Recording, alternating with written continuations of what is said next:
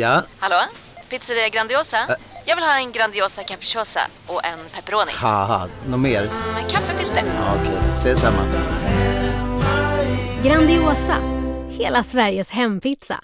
Den med mycket på. Välkommen till Unionen. Jo, jag undrar hur många semesterdagar jag har som projektanställd och vad gör jag om jag inte får något semestertillägg? Påverkar det inkomstförsäkringen? För jag har blivit varslad, till skillnad från min kollega som ofta kör härskarteknik på möten och dessutom har högre lön trots samma tjänst. Vad gör jag nu? Okej, vi tar det från början. Jobbigt på jobbet. Som medlem i Unionen kan du alltid prata med våra rådgivare. Psst! Känner du igen en riktigt smart deal när du hör den?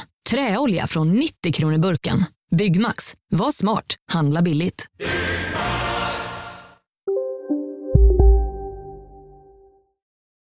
Jag kom på att förra avsnittet så glömde vi att introducera, alltså köra en introduktion av något slag. Vi bara körde rakt på. Alltså vilka vi var, vad vi hette. Ja, eller vilken podd de lyssnade på. Ja just det. Ja Så- det vet de kanske vid det här laget. Nej jag skojar men det kanske är andra som lyssnar också som inte har hört oss. Ja.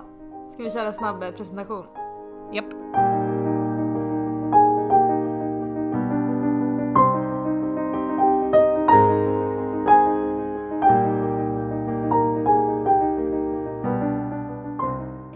välkomna till Må bra podcast. Du lyssnar på mig Linnea.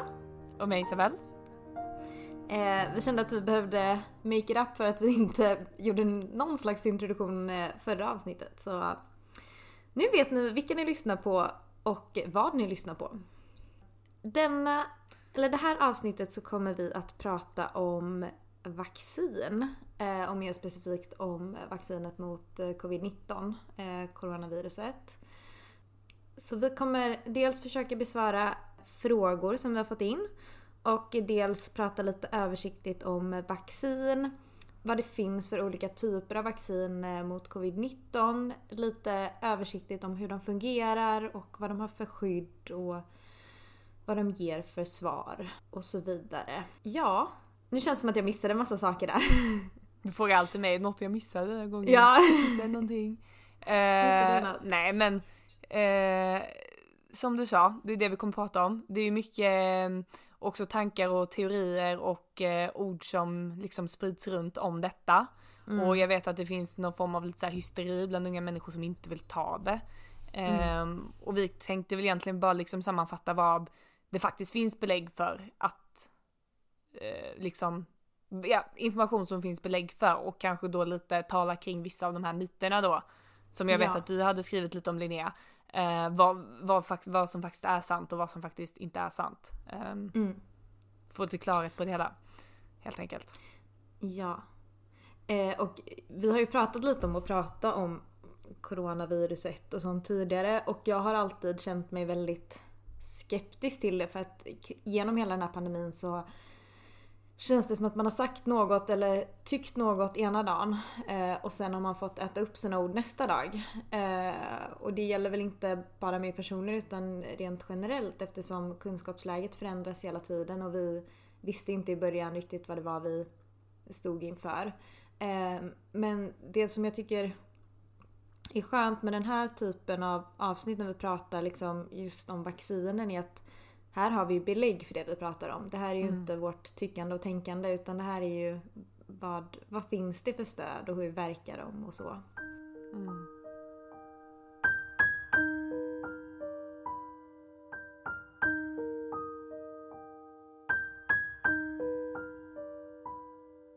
övergripligt vad ett vaccin är så är ju egentligen ett vaccin eh, någonting som sätter igång immunsystemet helt enkelt. På ett liknande sätt som det här viruset då som coronaviruset om vi tar i det specifika fall skulle trigga ditt immunsystem. Men under, vad ska man säga, beroende lite på hur man har gjort det här vaccinet så är det ju på lite olika sätt det triggar igång immunsystemet. Men det som händer då det är att du triggar igång immunsystemet och då så kommer du skapa ett eh, etablerat immunförsvar mot just det här viruset då, det vill säga coronaviruset. Så det som händer det är ju, bas- det är ju typ att när du då näst, skulle du då stöta på det här coronaviruset i, alltså i verkliga livet om man säger så, då kommer ditt immunförsvar redan ha etablerat ett skydd mot det, vilket gör att du inte kommer bli sjuk, eller i alla fall lika sjuk av viruset, kan man säga. Eh, så det blir ett slags, eh, du får ett eh, man brukar prata om att man får liksom ett minne i immunförsvaret nästan. Så det är liksom mer som eh, pansarvagnar som är specifikt, eh, specifikt gjorda för att skydda dig mot just den här typen av virus. Eh, och ytterligare en anledning varför man gör det där är för att man vill uppnå någonting som kallas för flockimmunitet. Och flockimmunitet innebär egentligen att när det är eh, tillräckligt antal, procentuell andel bland befolkningen som har fått ett vaccin eller då är immuna mot en viss sjukdom. Det kommer ju också betyda att, det att smittan sprids färre och de som kanske inte då skulle vara vaccinerade, de kommer ju inte heller bli, ha lika stor chans att bli sjuka just för att man inte kan sprida vi, vidare viruset på samma sätt eftersom att många inte kan bli sjuka av det. Så att säga. Mm. Um, och det var väl, det här var ganska intressant, jag vet att jag diskuterade med någon, det var just här att det Sverige lite försökte göra som jag förstod det var ju att när vi valde att inte liksom köra lockdowns och grejer så var det för att vi försökte uppnå någon typ av flockimmunitet fast då inte genom att vaccinera utan mer liksom mm. en naturlig form av flockimmunitet. Att folk skulle exponeras och bli, få viruset och sen bli immuna. Har man mm. kanske märkt lite att vad jag har förstått så är det ju så att vissa, vissa har ju fått sekundärinfektioner liksom. Mm. Man blir inte immun det blir man kanske inte av vaccinet heller men det funkar inte riktigt i alla fall. Du menar och, att man har eh, reinfekterats eller? Ja precis. Ja. Mm. Uh, det kan inte bara vara det men det funkar i alla fall. Och jag vet att vi diskuterade med någon att uh, man har aldrig riktigt provat att uppnå en flockimmunitet på en naturlig väg utan man pratar mer om flockimmunitet när man vaccinerar egentligen som jag förstod ja, det. Precis. Så det och, var lite experimentellt om man säger så. ja, och jag vet inte om det var just det. Alltså jag tror inte att man uttalade att man ville nå en flockimmunitet men jag tror att de tankegångarna väl har funnits. Det har ju pratats mycket om att eh, olika teorier. Ska vi inte låta alla unga vara ute och umgås en massa som inte är så stor, alltså som inte är riskgrupper för då uppnår vi flockimmunitet och så. Men mm. man har väl landat i att det har varit för stora risker.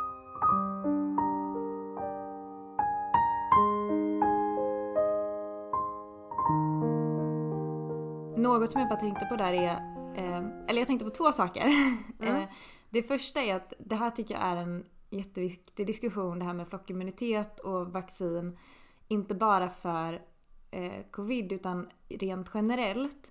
Eh, för att eh, det är ju många som är liksom emot vaccinationer och då tänker jag till exempel alltså de här barnvaccinationerna, mässlingsvaccin och så för att man tänker att det finns risker med vaccin, vi har inte så mycket mässling här, det är väldigt sällan det kommer utbrott och varför ska jag då utsätta mitt barn för det och så.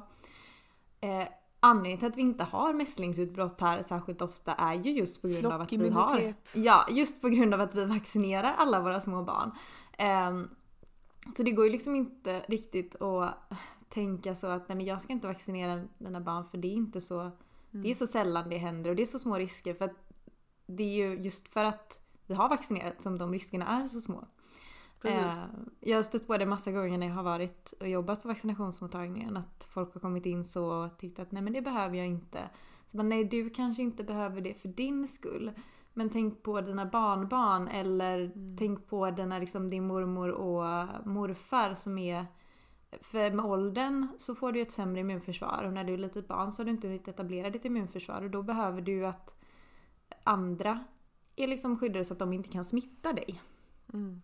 Eh, problemet dock, om, om vi pratar covid-19 vaccinet som var den andra saken jag tänkte på, det är att eh, hittills så har man alltså på, i de här studierna som har gjorts, eh, och det kan ju vara för att det har gått ganska kort tid så, men man har inte kunnat visa egentligen på ehm, att man minskar eh, smittsamheten. Alltså du har inte kunnat eh, visa på liksom minskad smittspridning eh, om folk är vaccinerade.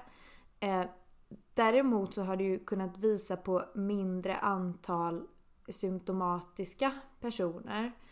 Och med tanke på att de flesta som smittar är ju symptomatiska. Alltså det finns ju asymptomatisk smittspridning när det gäller coronaviruset. Mm. Man brukar ju säga att eh, risken att smitta finns redan 24 timmar innan du faktiskt får symptom själv. Och ehm, som det ser ut, så som smittan har spridits i samhället så, så verkar det också finnas asymptomatiska eh, smittspridare.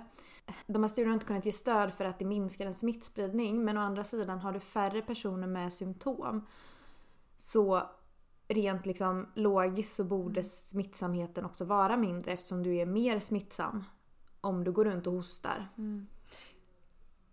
Men det, det är lite intressant där för det du säger indirekt och man har inga belägg för att det här vaccinet skulle ge en flockimmunitet typ. Som jag ja, förstår det. alltså ja och nej. Ehm, du har ju inte belägg för...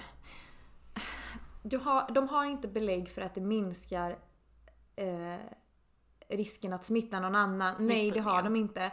Men å Nej. andra sidan så har de alltså tydlig effekt på eh, symptomatiska eh, alltså att du skulle få symptom på covid. Och har du då inte symptom så sprider du ju mindre så att egentligen borde det ju bidra till en flockimmunitet men nej man har inte kunnat svart på vitt kunna säga att så är fallet. Åtminstone inte de senaste som Fast jag det- hörde det från i december. lite- Jag, läst, eller jag lyssnar på eh, lite eh, föreläsningar och updates och sånt och de tror jag i och för sig är från slutet av december så att jag vågar inte säga om det har kommit ny data på det men Nej. Det är också lite spännande för du säger, ja, då kanske det är så att om du är vaccinerad typ, ehm, jag vet inte om det också skulle, hur det är när man blir vaccinerad, om du kanske fortfarande kan typ få det i dig och du kan typ fortfarande smitta det men du får inte Precis. en lika allvarlig ja. infektion så att säga. Men du, och då säger du att ja, har du Mm. mindre symptom då, då smittar du inte Nej. lika mycket som om du har mycket symptom. Fast det kan ju finnas en till grej här va? Just det att du inte har symptom. För jag menar skulle du haft symptom då skulle du Mm. Ja, stannat hemma. absolut. Förstår jag menar? Har du inte symptom då fattar du inte. Det var ju det, är det som är skillnaden mellan de här om du tar corona versus de här sars och mers som är Mm. en annan typ av coronavirus som vi hade också haft en spridning som är Mm. jättedödliga. Men skillnaden där var ju att alla som fick dem, de blev Ja. ju jättesjuka så vi kunde ju snabbt isolera dem.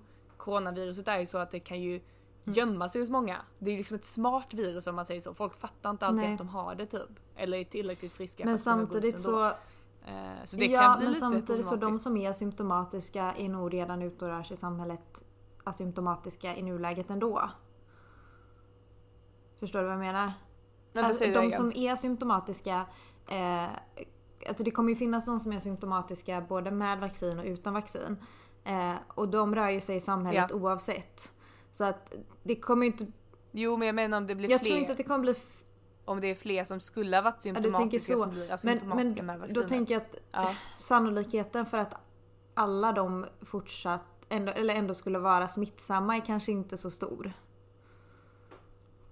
Nej och sen tänker jag att skulle, skulle vi ge vaccin som leder till att alla, må, jättemånga Mm. eller typ alla skulle få nästan till asymptomatiska eller Då väldigt lindriga fall, exakt. spelar det väl ingen roll för då blir det ju bara som någon form av influensa så då har vi ändå klarat av, då är det ingen som dör eller Precis. blir allvarligt sjuk längre så att då känner jag att då är det ändå strunt samma om det Precis, cirkulerar. och det är väl lite det man tror att det kommer landa i förlängningen. Eh, det senaste jag lyssnade på så trodde väl folk att det här kanske håller på egentligen ett par år till. Eh, men att vi sen kommer rulla in i mer som med säsongsinfluensan ungefär. Att det liksom kommer i vågor. Och det är som med säsongsinfluensan, de vaccinerna eh, vi vaccinerar ju ganska mycket och eh, det är ju inte heller något hundraprocentigt skydd. Men framförallt så förhindrar det liksom majoriteten av de svåra insjuknandena. Sen finns det ju alltid några som går bort i säsongsinfluensan varje år eller sekundärinfektioner. Men de blir färre än om man inte vaccinerar. Och det blir lite samma sak med det här att det, det är ju inte så att eh, smittan kommer försvinna. Men färre kommer bli svårt sjuka och även om då folk skulle vara symptomatiska så skyddar vi förhoppningsvis majoriteten av dem som skulle kunna bli väldigt sjuka genom att de är vaccinerade. Precis. Det gäller bara att vi måste komma ikapp liksom på Ja. något sätt. Exakt. Eh, och för er som, all många här, ni som lyssnar, ni vet ju vad säsongs, alltså vanlig influensa som vi pratar om. Och det är inte så att vi menar här att alla får ett vaccin från det varje år, utan det är liksom de som är alltså riskgrupper, typ äldre eller olika sjukdomar. Alla kan ju i princip alltså, vaccinera Ja sig. men, det brukar ju inte vara, har nej. nej, utan det brukar vara äldre riskgrupper och eh, de som jobbar inom vården för att minska smittspridningen också där. Mm, mm. Mm. Ja vad spännande Ja. diskussion. Mm.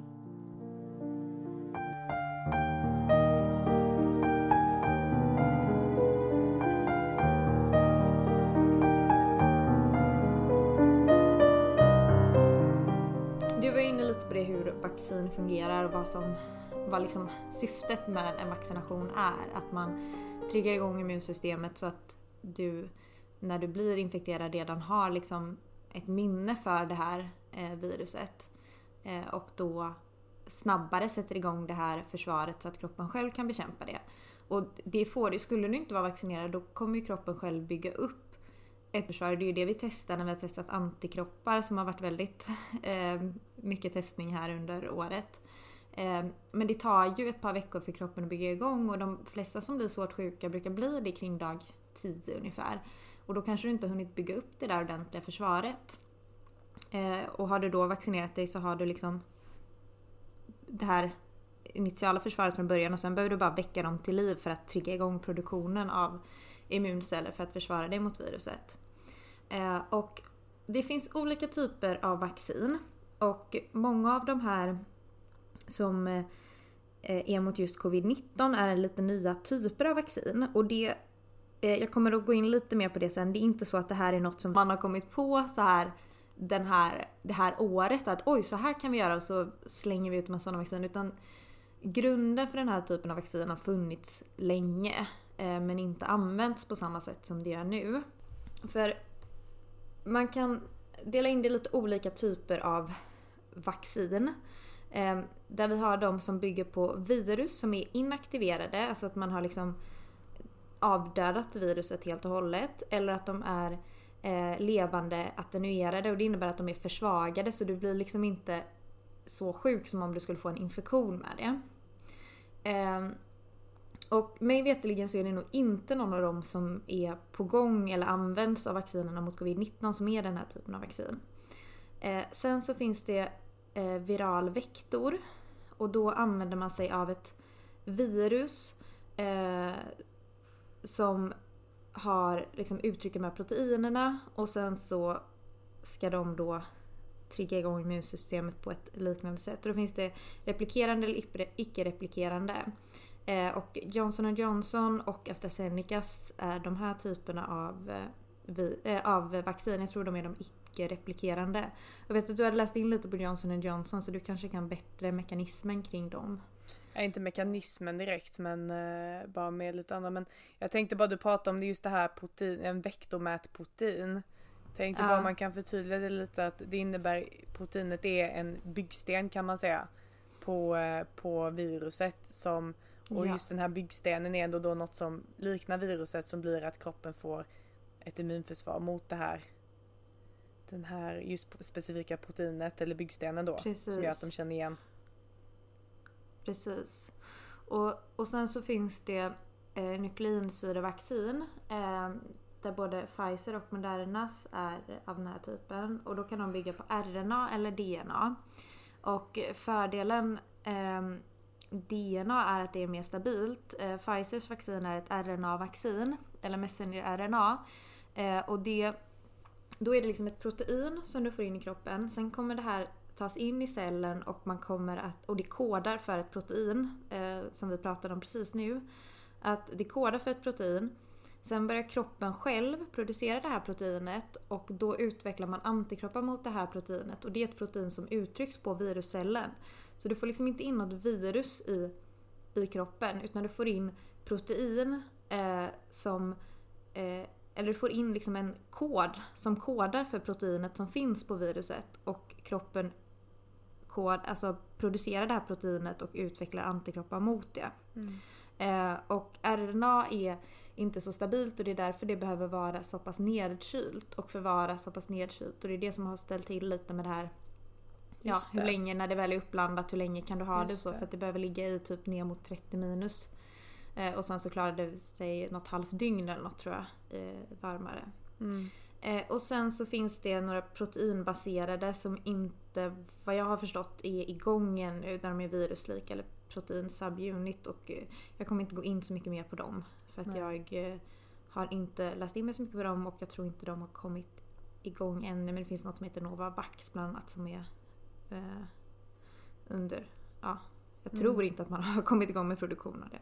Nej jag har inte så infot um, just det men tänkte bara om någon vill förstå sig på lite skillnad mellan DNA och RNA eller mm. som det messenger-RNA som du pratar om så kan man väl ja. säga att DNA kodar för ett RNA och RNA kodar för ett protein. Enkelt sagt. Ja, det kan man säga, precis. Ehm, och eh, jag tänkte nämna lite om Pfizers, Moderna och eh, AstraZenecas vaccin. Hur de fungerar och eh, eh, vad man har liksom för effektivitet och så med dem. Ehm, och jag tänkte börja med Pfizers vaccin eh, för att det är det som vi har kanske ändå börjat använda oss mest av än så länge. Och eh, det ges i två doser. Eh, dag 0 och dag 21. Så efter tre veckor ska man ha dos nummer två. Och det är som jag sa då ett mRNA-vaccin, alltså ett messenger-RNA. Och det här RNA kodar då för ett spike-protein som vanligtvis uttrycks på virusets yta. Och som jag nämnde så kommer det då produceras av kroppen och vi utvecklar antikroppar mot det här proteinet utan att ha fått in viruset i kroppen. Men när vi sen då får in viruset i kroppen då har vi redan antikroppar mot det här proteinet som finns på virusets yta. Mm. Så skillnad, skillnaden Eh. kan man väl säga att, att det varit ett helt virus man har satt in här va, så har det kunnat replikera sig, det vill säga det har blivit fler eh, Mm. virusceller och då har det kunnat bli en fulminant infektion. Men det här Ja. proteinet i sig det kan ju inte göra så mycket med att det kan, Nej. det har liksom inga, den är inte viral i sig, den är inte skadlig eller infektiös i sig, det är bara det att den, den är där typ och kroppen känner igen Precis. att det är något konstigt så den vill vi nog ha något skydd mot typ. Men, eh, Precis. Mm. Och eh, de studierna som gjordes då inför införandet av vaccinet eh, när man, då hade man en kontrollgrupp och en placebogrupp. Och kontrollgruppen är då de som får vaccin och placebogruppen får inte vaccin. De får något annat och tror att de får vaccin. Eh, och då var det i eh, studien åtta i kontrollgruppen som fick symptom eh, på covid. Alltså när de som i senare då blev sjuka eller liksom fick symptom på covid. Inte av vaccinet utan att de faktiskt insjuknade med det. Eh, Medan i placebogruppen så var det 162 stycken. Eh, och vad gäller svår covid så var det en i kontrollgruppen och nio i eh, placebogruppen. Och eh, detta gav då liksom sammantaget en effektivitet på 95%, att det gav ett 95% skydd. Och det innebär ju inte att du som person är 95% skyddad. Utan det innebär ju att i en grupp så är det liksom ett 95% skydd. Det finns ju alltid individuella skillnader som gör att någon är mer benägen att bli sjuk ändå. Och någon är mindre benägen att bli sjuk ändå. Och sen har man kunnat se att det ger både ett antikroppssvar och T-cellssvar. Som man också har pratat mycket om här i ehm, under året. Det, immunsystemet består ju av en massa olika celler men eh, bland annat då T-celler och B-celler och antikroppar bildas ju av, T, eh, av B-cellerna och eh, så finns det T-minneceller som man då också har eh, får av vaccinet. Så båda de här ger liksom ett minne eh, för, i kroppen då inför en faktisk infektion. Ehm, och de första studierna som gjordes visade på cirka 52% skydd efter första dosen. Men nya data visar faktiskt att det verkar vara så mycket som 85% skydd efter dos 1. Oj.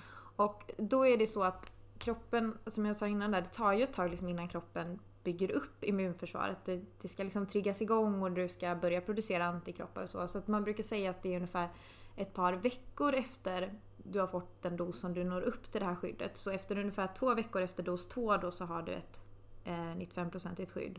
Och ungefär då två veckor efter dos 1 så har du väl då antingen 52 eller som det nu ser ut som snarare ett 85% skydd. Eh, och i Pfizer-studien så eh, verkar det som att det är oberoende av ålder det här skyddet. Just det, Vilket är väldigt mm, bra. jag har hört om det. Mm. Mm. Eh, och sen har vi Modernas vaccin.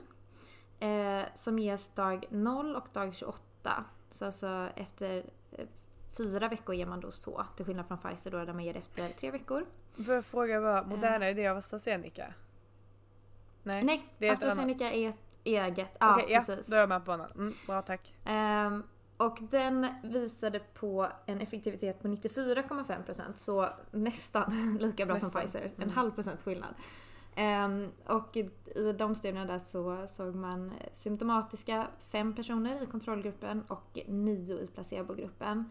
Och med svår covid så var det noll i kontrollgruppen och 11 i placebogruppen. Ehm, och även den visade på både skydd med antikroppar och T-celler. Ehm, Men Den tar man också i två doser eller? Ja, Ja, precis. mm.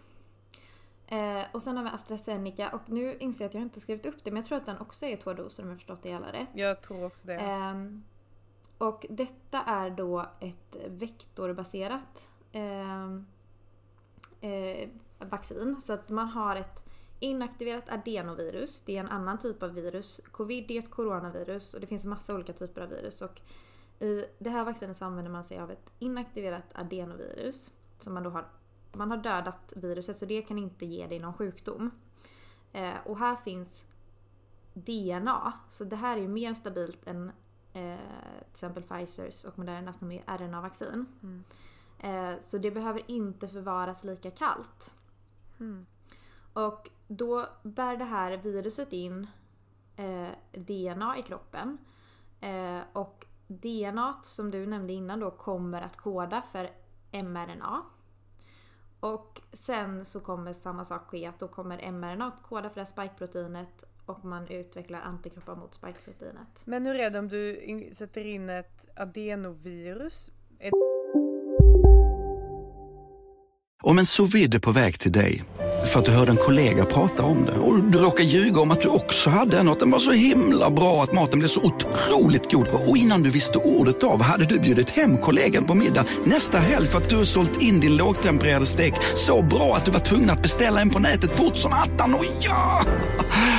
Då finns det i alla fall flera smarta sätt att beställa hem din sous vide på. Som till våra paketboxar, placerade på en plats nära dig och tillgängliga dygnet runt. Hälsningar Postnord. Upptäck hyllade XPeng G9 och P7 hos Bilia. Våra produktspecialister hjälper dig att hitta rätt modell för just dig. Boka din provkörning på bilia.se xpeng redan idag. Välkommen till Bilia, din specialist på XPeng. Hej, Susanne Axel här. När du gör som jag och listar dig på en av Krys vårdcentraler får du en fast läkarkontakt som kan din sjukdomshistoria. Du får träffa erfarna specialister, tillgång till lättakuten och så kan du chatta med vårdpersonalen. Så gör ditt viktigaste val idag, lista dig hos Kry. det dess, alltså adenovirusets DNA eller har du på något sätt inkorporerat Alltså, Nej du har ju inkorporerat eh, DNA Ja. för, för Bra, coronaviruset tack. i det. Så Ja. det här är bara en vektor som Jag bär Jag det förstår. här DNAt. du kanske sa det innan, jag missade kanske. Nej jag vet, jag kanske inte sa det Nej. så tydligt. Men då är jag med på Eh, det. men så det är liksom, det bär på coronavirusets DNA. Så Mm. att, eh, men det är inte heller liksom, det här är ett avdödat adenovirus så du kan inte bli sjuk av det. Och det bär på DNA för coronaviruset som då kodar för proteinet. Ehm, det här har en effektivitet på 70% eh, de studierna jag har kunnat se. Eh, och det verkar som att man efter första dosen, eh, om man... Nej förlåt, så här. Om du har eh, om du gav standarddos, dos 1 och dos 2, då kunde man se på 62,1% effektivitet. Om man däremot gav lågdos nummer 1 och standarddos som nummer 2, då såg man 90% skydd. Vet du varför det är Eh, så? Nej. Nej, men jag hörde lite spekulationer om att man trodde att man kanske har eh, liksom triggat att man liksom har vant kroppen om man ger det här standarddosen från början på något sätt. Så att man inte får samma Mm. påslag gång nummer två. Så man värmer upp Ehm, immunsystemet lite nästan kan man säga. Ja, på något sätt. Eh, Men jag vågar inte gå in på det Nej, mer för att nej. jag kan inte mer än så. Nej. Men det var sådana spekulationer jag hörde i alla fall. Mm. Eh, Men sammantaget så verkar det vara en effektivitet på 70%. Så att den är ju lägre än eh, Moderna och Pfizers men det är fortfarande eh, en bra effekt. Ja. Och som sagt, det positiva är ju att det inte är ett RNA-vaccin utan det är mer stabilt och behöver inte förvaras lika kallt. Ja, Och även detta verkar ge både antikroppar och T-cellssvar. okej. Så det, det var de jag tänkte nämna eftersom det är de som har varit mest uppe på Mm. tapeten. Men då kan jag ju faktiskt nämna en till då som inte riktigt Ja. är här än i Sverige. Mm. Eh, det är Johnson Johnson eller? Johnson Johnson, du nämnde Mm, det lite jag har snabbt. hört lite om det men inte så jättemycket. Ja, för det, det har inte riktigt blivit godkänt än. Jag vet inte riktigt för det. Som jag Nej. förstår detta så är detta ett vaccin från USA. Mm. Eh, tror, ja, jo det är från USA. Eh, och det skulle godkännas, man hoppas det blir godkänt i mitten på mars. Ehm, Mm. Och sen då eventuellt att vi skulle kunna få en leverans hit början, alltså typ mot aprilhållet ungefär. Och anledningen Mm. varför man typ vill ha sällskapsdjur godkänt om man vill ha det, det är för att den här kan man ta i en dos. Vilket kommer vara mycket Mm. effektivare och lättare och snabbare än, än eh, de här dubbeldoserna då. Även har man Mm. sett att den har en bra effekt. Nu har vi inte pratat riktigt om det men det kom, vi kan, du kanske ska prata mer om det sen men det finns eh, en variant, eh, vi har fått lite andra varianter av coronavaccinet. De har förändrats lite, muterats kallas det. Och då har vi en- Coronaviruset menar du? Coronaviruset, ja förlåt. Ja. Ja. Eh, Mm. Och eh, då har vi en sydafrikansk variant bland annat. Mm. Som man har varit lite så här, hmm, kommer de här vaccinen kunna våra gamla vaccin då, eller nya Mm. vacciner är de ju, men du förstår vad jag menar. Eh, Mm, jag kunna skydda mot de här nya varianterna också. Eh, Mm. Men då har man i alla fall sett att Johnson Johnson har en bra effekt mot den sydafrikanska varianten Mm. av coronavirus. Eh, och vad gäller lite eh, hur bra det här är, då har man sett då, eh, det var lite olika siffror men det står i alla fall att man har sett 72% effektivitet i USA och 66% effektivitet overall. Ja, lite spännande, Mm. Det är väl lite beroende på vilka typer av människor man provat på då. Eh, för att Mm. skydda mot en, eh, vad ska man säga, medel till svår covid-19. Och detta är då mätt Mm. 28 dagar ek- efter vaccinationen. Eh, och sen har man sett en 85-procentig eh, effekt eh, mot eh, svår och eh, nu ska. Eh, svår liksom sjukdom som leder till sjukhusvård och död efter dag 28. Mm. Eh, Mm. Så den ligger väl också någonstans liksom lite sämre då som jag tolkar den kanske eh, Pfizer och eh, Moderna då. Men just att den Mm. här kan man liksom massvaccinera på ett annat sätt. Att man bara behöver ge en dos. Mm. Plus då det här med sydafrikanska viruset. Så det har också sina det är fördelar. ganska bra. Precis. Ja, verkligen.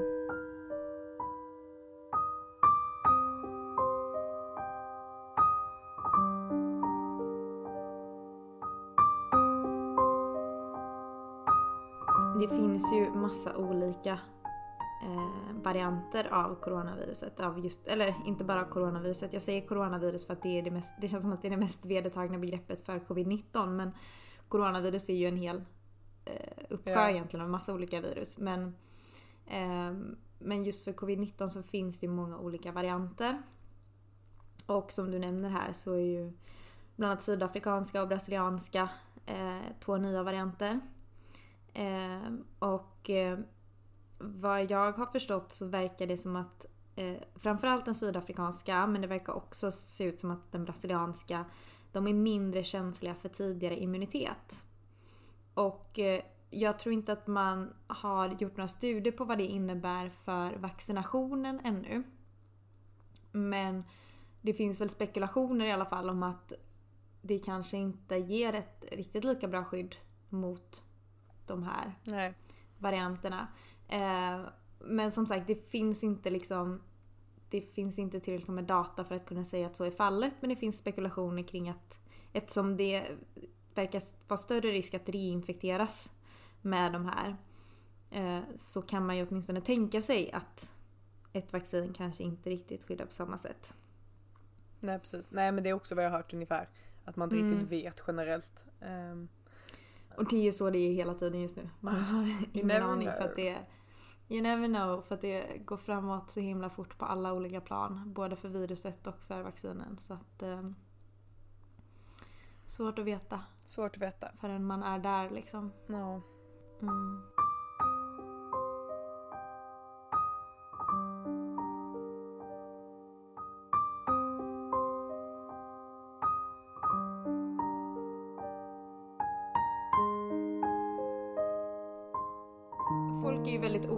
Biverkningarna generellt känns det som. Eh, och vi kommer gå in lite mer på andra saker som folk är oroliga för och missuppfattningar och så kring vaccin. Men just vad gäller biverkningar så finns det en del som är eh, hyfsat förväntade. Eh, och det finns, alltså de är oftast inte skadliga även om de kan vara lite jobbiga för stunden. Och det gäller inte bara det här vaccin, eller de här vaccinerna. Det gäller ofta generellt med vaccinationer. Ehm, för det du gör är ju att du triggar igång ditt immunsystem. Eh, och eh, då finns det dels risk att du får ont där du har fått vaccinationen. Ehm, och ehm, dels så kan det, bli, det kan liksom göra lite ont, det kan bli svullet och lite ömt och lite rodnat. Och det som sagt inte heller något som är specifikt just för den här vaccinationen. Ehm, och sen så kan du få huvudvärk är väl en hyfsat vanlig biverkan av eh, covid-19 vaccin. Eh, och du kan få lite frossa och feber. Som att du känner som att du får en släng av influensan som brukar sitta i upp till ett dygn. Sen ska det börja liksom klinga av. Så det är väl de vanligaste. Eh, smärta vid instickställe, huvudvärk och feber och frossa. Sen ska du inte få hosta och så av vaccinet. Eh, så får du det då ska du stanna hemma och fundera på om du kan ha blivit sjuk. Haft, för att tar du vaccinationen, det finns ju alltid en risk att du har råkat bli sjuk i samband med den också och det vet jag vissa som har blivit. Så har du mer liksom långdragna besvär eller något mer än bara liksom feber, ont i armen, då, då ska du ta ett coronatest och se så att du inte har det. Och som generellt sett om du känner dig sjuk så ska du ju stanna hemma. Men som sagt, det här är inte något specifikt för just de här vaccinerna utan det gäller generellt för vaccinationer. Det som är dock, eh, och du kommer nog gå in lite mer på det sen, men eh, det här, som vi nämnde förut så är ju det här inte ett virus utan det här är ju protein eller liksom något som kodar för protein. Så att du blir ju inte sjuk av det och det kan du ju bli av andra. Det finns ju vissa som du ska vara väldigt försiktig med om du är immunosupprimerad och så för att du faktiskt får ja, försvagat virus in i dig. Men det här, gäll, det här är inte försvagat virus utan det här är bara något som kodar för protein. Så att du ska inte bli sjuk av det. Men däremot kan du få ett inflammatoriskt påslag och känna Nej, dig sjuk. Men och sen är det ju också, jag antar att det, detta är inte riktigt alltså så specifikt för detta viruset heller, eller eh, vaccinet heller. Men just eh, allergi. För jag menar där ju, finns ju alltid lite grejer som man, när man sprutar in mm. som man kan av någon anledning har en allergi mot. Nu vet Absolut. jag att ja, om jag förstår det rätt när jag läste så var det ju att många av de här typ Pfizer de har ändå försökt liksom inte ha så mycket allergener i, alltså grejer som du kan reagera mot. Men mm. för risken finns ju alltid så skulle det vara att du mm. kollar innehållsförteckning och bara men det här vet jag att jag varit allergisk mot innan mm. då ska man inte ta det i alla fall. Och skulle du få en, alltså en allergisk chock när du vaccinerade första gången då ska man Nej. inte heller ta en andra. Um, men detta är ju liksom folk som har allergier så det är inte så och, och, man är ju ofta, Men, man är ju väldigt försiktig. Är det någon som har mycket allergier då brukar man ju vara extra försiktig och vilja att man sitter kvar extra länge och har koll. Um, där du mm. vaccinerar så ska det ju finnas beredskap för att man ska, eller ska kunna, men att risken alltid finns att någon får en allergisk reaktion. Och det ska ju finnas beredskap för att behandla en allergisk reaktion um, på plats. Och det gäller som sagt inte heller bara detta vaccinet utan rent generellt. Men som du nämner, alltså till exempel influensavaccinen bygger ju ofta på eh, äggviteämnen. Eh, och då kan du inte ta det om du är äggallergiker. Det tror jag inte Men var i Pfizer. Men det gäller inte för covid-19. Nej precis. Nej, jag trodde precis. man inte hade tagit det, bort det. Det finns inte Nej. några... Ja precis. Det finns inte i de här. Så det är en fördel.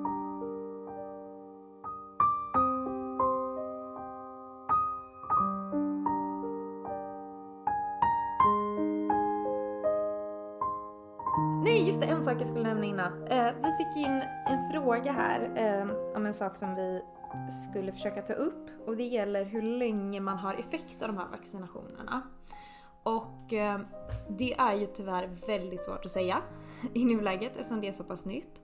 Eh, när det började bli klart att Pfizers eh, vaccin skulle levereras hit och man skulle påbörja vaccination med det eh, då hade studier gjorts i ungefär fyra månader som kunde visa på att man hade ett eh, fortsatt liksom bra svar efter fyra månader. Ehm, och eh, sen har jag inte sett några nya data på det men det kan hända att det finns fast jag har missat det. Men man tror att det ger effekt åtminstone ett halvår till ett år. Men man har kunnat visa på det i fyra månader åtminstone. Men det är ju också för att eftersom det är så pass nytt så har man inte kunnat följa de här grupperna längre.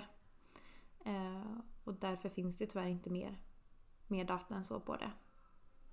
Men, men sannolikt så kommer det här ju behöva upprepas någon gång. Och frågan är om hur snart det behöver upprepas och om det kommer bli som med säsongsinfluensan där man då har eh, gör lite variationer i eh, vaccinet från år till år beroende på vilken stam man tror kommer att komma. Det vet vi inte riktigt ännu. Nej, det får vi se. Det får vi se.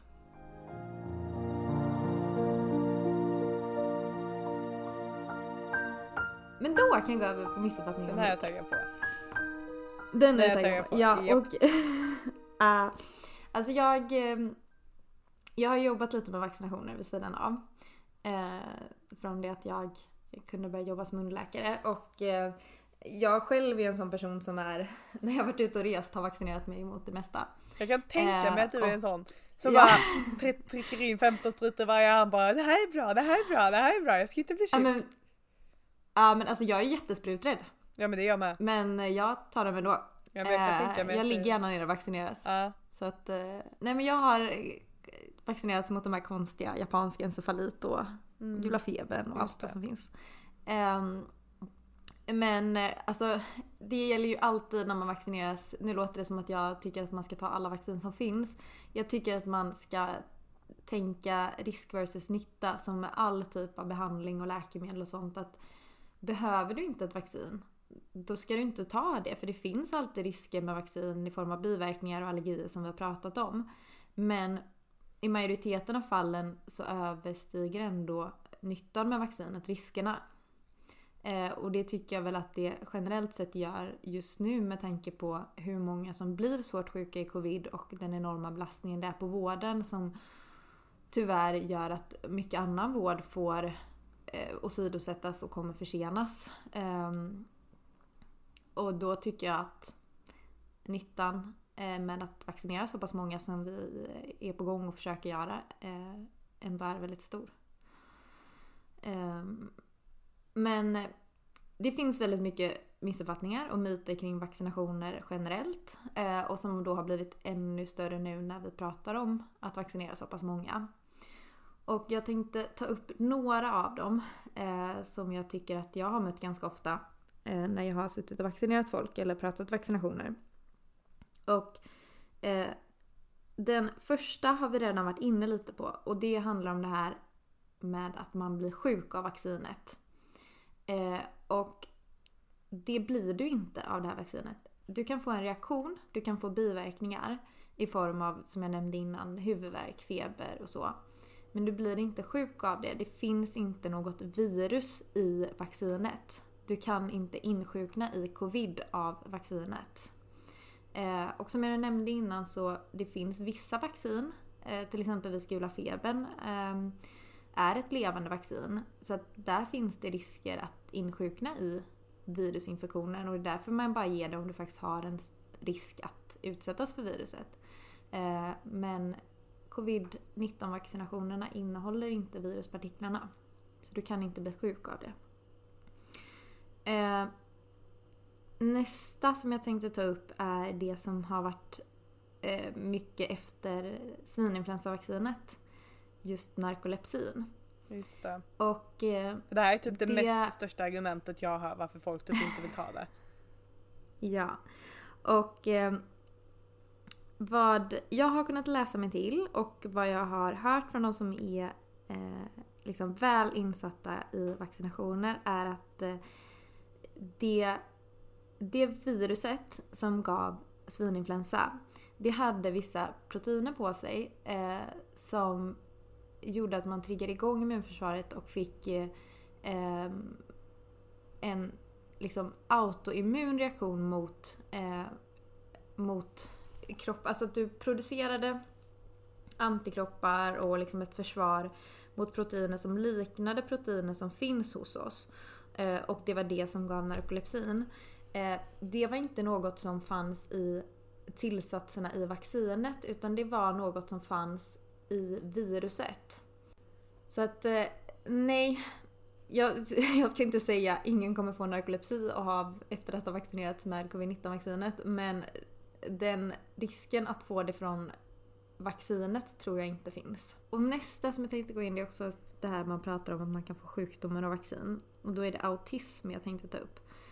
Um, och um, det gäller väl MPR-vaccinet om jag minns rätt nu, mässlings, eh, mässlingpåssjuka röda hundvaccinet. Um, det finns inget samband mellan autism och det vaccinet. Det var någon artikel för länge sedan där de uttryckte sig lite dumt. Eh, och på något sätt gick att tolka som att man såg något slags samband mellan autism och vaccination. Är det mässlingvaccinet du pratar om nu eller är det? Ja, ja. precis. Eh, och man har gjort jättemånga studier efteråt och det finns inget som visar på ett samband mellan autism och det vaccinet. Och sen den sista punkten jag tänkte ta upp det är att många är oroliga för att det har gått så fort. Eh, att hur kan vi lita på ett vaccin som har kommit så här snabbt när man säger att det tar så många år att utveckla vaccin? Och eh, det finns flera olika anledningar till det. Eh, och dels så, som du har nämnt lite tidigare i det här avsnittet, så finns det ju, det här är ju inte liksom det första coronaviruset vi stöter på. Eh, Covid-19 är ett nytt virus, men coronavirus har ju funnits länge och man har eh, gjort en massa liksom vaccinationsstudier mot coronavirusen tidigare. Ehm, så att vetskapen om coronavirus finns. Ehm, den här typen av vaccin med mRNA och vektorburna eh, eh, vaccin, det är ju inte heller något nytt. Jag tror inte att de har använts innan. Men det är inte heller liksom en ny, det är inte en ny typ av vaccin så. Det är inte något man har kommit på det här året utan det är något man har forskat på och jobbat på jättelänge. Det som däremot har hänt senaste året, det är att det här har varit det har varit en global pandemi.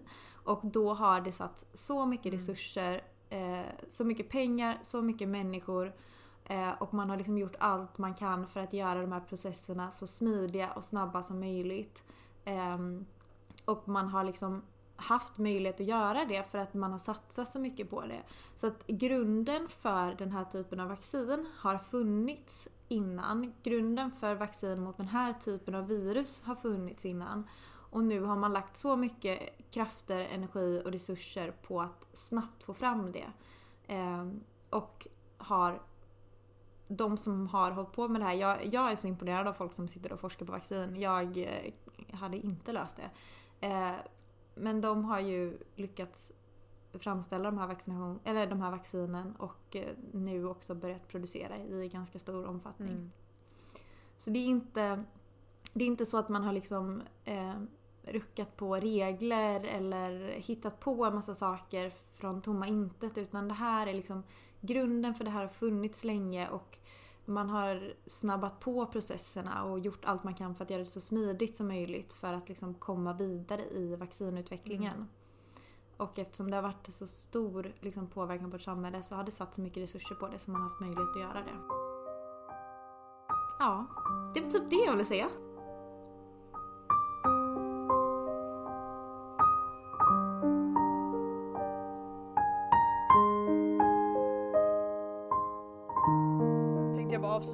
Säga vad är det liksom för fördelar då med att ta vaccinet? Ni som kanske sitter och tänker att ni inte vill ta det.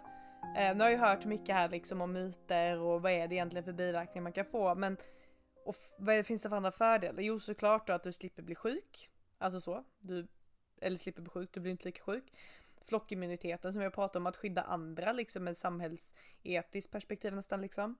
Eh, och sen då såklart så kommer nog ganska många länder att införa någon form av sån här eh, resegrej, att du måste visa att du är vaccinerad, alltså mm. typ ett vaccinpass egentligen. Att du visar att du är mm. vaccinerad för att kunna resa.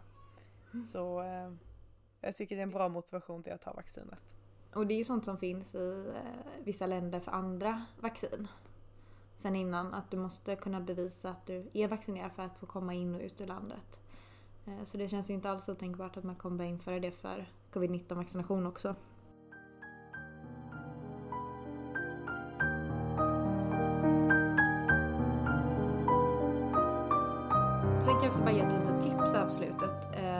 Både till dig och till de som lyssnar. Om man vill sätta sig in lite mer i det här på ett lite enklare sätt eh, tycker jag att eh, Infektionsläkarföreningen, eh, det finns en hemsida som heter infektion.net. Eh, de har webbinarium som jag vågar inte svara på hur ofta de kommer. Jag skulle vilja säga varannan vecka men det kanske Men kan alla se detta? Ja, du, alla kan okay, logga in och se det tror jag. Eh, jag tror inte jag har något inlogg utan jag tror bara jag loggar in vanligt. Mm. Och då försöker de eh, Dels så brukar de sammanfatta liksom, eh, läget, hur det ser ut. I, för att det är infektionsläkare från Göteborg, Stockholm, Malmö, Lund brukar vara med och Jönköping, Ryhov. Ehm, och då liksom uppdatera lite, hur ligger vi till? Hur ser det ut på våra intensivvårdsavdelningar? Hur ser, ser det ut som att det är på uppgång? Ser det ut som att det är på nedgång? Eh, har vi upptäckt något nytt nyligen? Liksom? Ehm, och sen så brukar man också då ha något liksom nytt kring kunskapsläget och då i december så pratar de mycket om vaccin så att det har jag lyssnat på igen här inför detta avsnittet och sen Mm. så pratar de nytt om vaccin här lite grann igen och de här nya varianterna och så. så att, eh, det, det är väldigt lätt eller lätt kanske är fel att säga, men jag tycker att de, de är ganska lätta att följa med och det som är skönt är också att de har ju lite olika eh, områden som de är verksamma inom. Det finns intensivvårdsläkare och det finns eh, infektionsläkare. Och, så det är väldigt liksom, högt i tak att säga eh, att nej men vänta lite, det här kan inte jag så bra, kan någon annan förklara det? Vilket gör att man själv också hänger med för att de som sitter i webbinariet eh, ställer de frågorna öppet. Eh, och sen finns det möjlighet att skicka in frågor om man kollar på det live, men jag tror man måste anmäla sig innan. Men jag brukar titta på dem i efterhand och de är väldigt bra.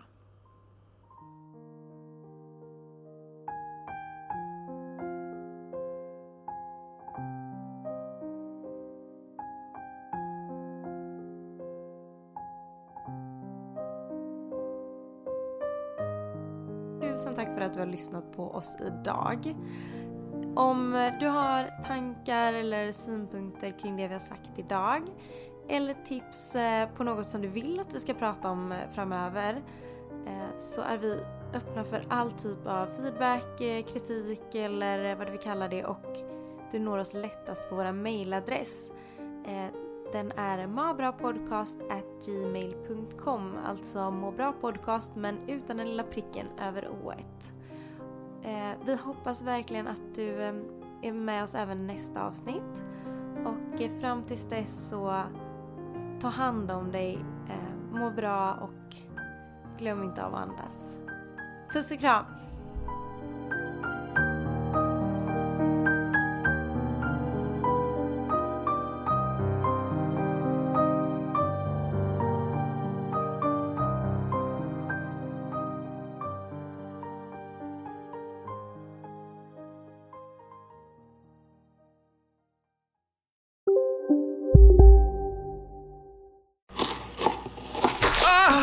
Dåliga vibrationer är att skära av sig tummen i köket.